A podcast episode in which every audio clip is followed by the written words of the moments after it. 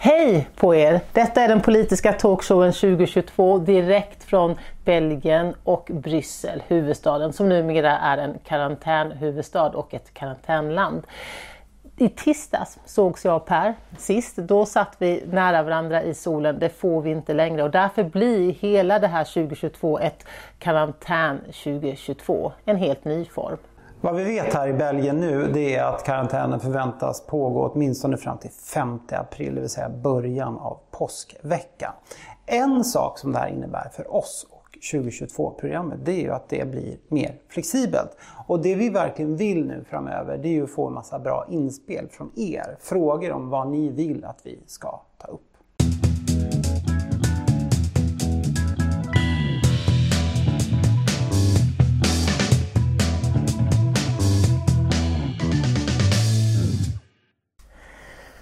Alla er som eh, inte befinner er i karantän i Bryssel men kanske i karantän i något annat land så är det följande som gäller i, här i Belgien.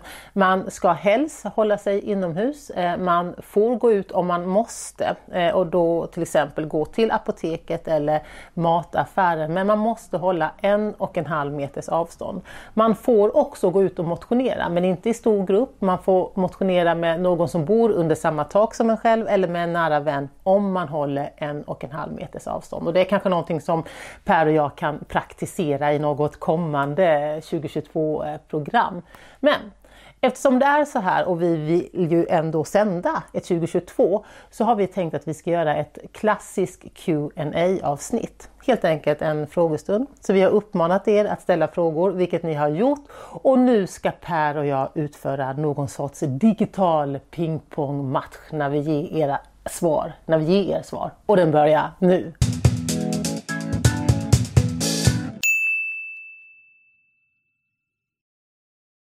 Eh, jag har ett klassiskt, ett stående boktips eh, som jag alltid ger och det är Per-Anders Fogelström, Mina drömmars stad-serien. Läs den!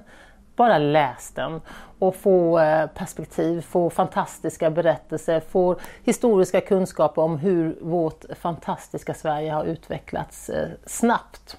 Eh, men vad det kostade. Sen har jag också ett nytt tips och det är den här. Jag for ner till Bror jag vet att det är väldigt många som har läst den och som liksom jag också har läst eh, uppföljaren som hette Vi for upp till mor. Eh, och ryktet säger att det snart kommer en tredje bok som jag ska sluka direkt och det är Karin Smirnoff. Ett eh, oerhört eh, eh inspirerande språk eh, dramatisk berättelse men eh, med fantastiska karaktärer. En sån här bok som man inte kan sluta läsa och inte heller sluta tänka på och som det svider i eh, hela kroppen när man eh, har kommit till sista sidan. Läs, läs, läs!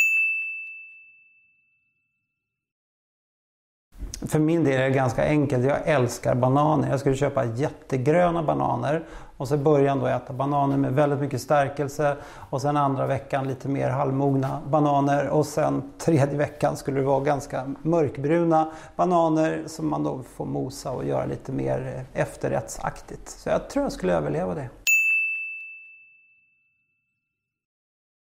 Ja, det här är en, en, bra fråga och det är många som eh, har eh, oro kring just detta. Det är självklart så att det kommer påverka alla de människor som är eh, på flykt. Det är redan idag en katastrof. Och i och med att fler länder just nu eh, i coronakrisens spår stänger sina gränser så blir det ju fler människor som inte kan utöva sin rätt att ansöka om asyl. Eh, på pappret har ju vi, alla människor, den rätten men att eh, få chansen, få tillgången till att faktiskt komma till en gräns och vid gränsen lämna in sin ansökan, det har ju redan försvårats.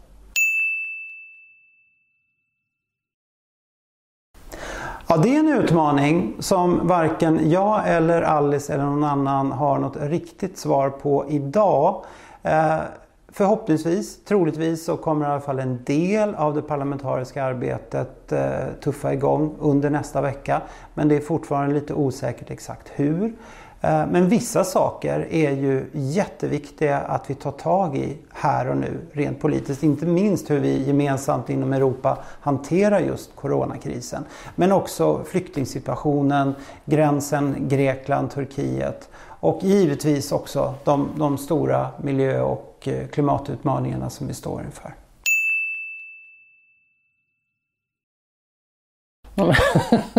Vilken fråga.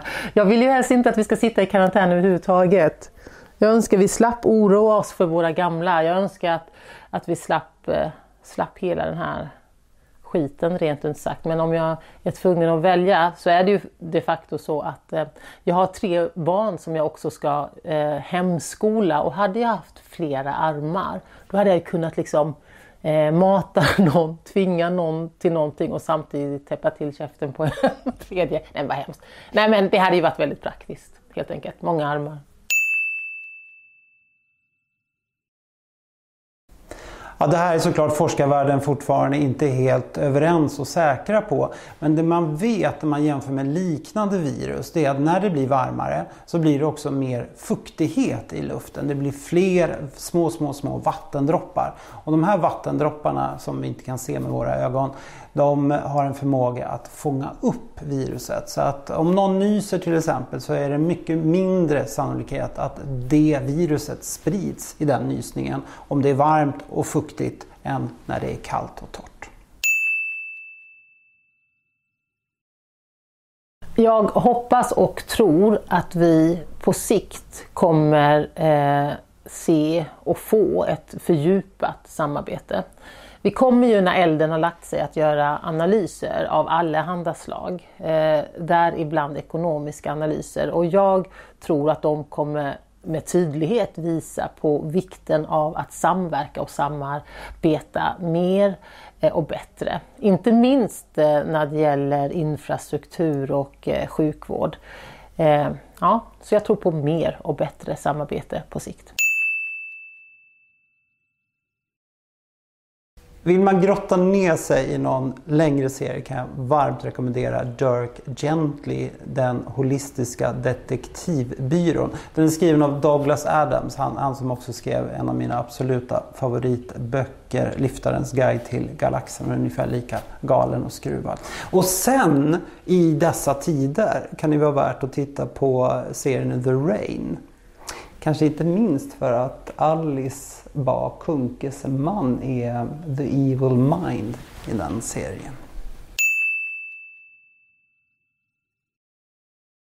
Eh, nej men, sannolikheten är stor att eh, det kommer att påverka valet. Sannolikheten är också stor att det är människors rädslor som kommer att styra deras eh, individuella val. Eh, det amerikanska sjukvårdssystemet är ju inte alls eh, uppbyggt på det sätt som våra sjukvårdssystem är uppbyggt. Så när coronakrisen verkligen, eller om eh, och när det blir ett fullskaligt utbrott, då kommer det få fruktansvärda konsekvenser i USA.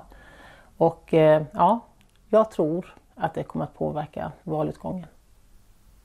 Nu över till dig Per, för det här var min sista fråga.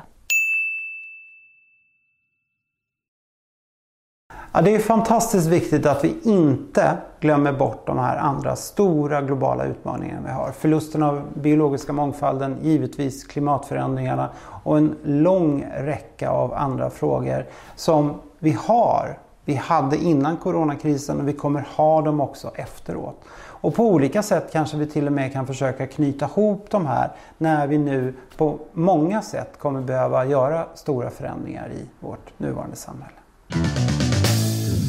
Ja, det blev ju verkligen inte något vanligt 2022-program det här. Men det är ju ändå fantastiskt att vi har den här möjligheten att ha kontakt med er. Och fortsätt ställ frågor så kommer vi antagligen i alla fall lägga upp nästa program på ett liknande sätt med en del frågor och svar. Och nästa program kommer såklart nästa vecka, torsdag 2022.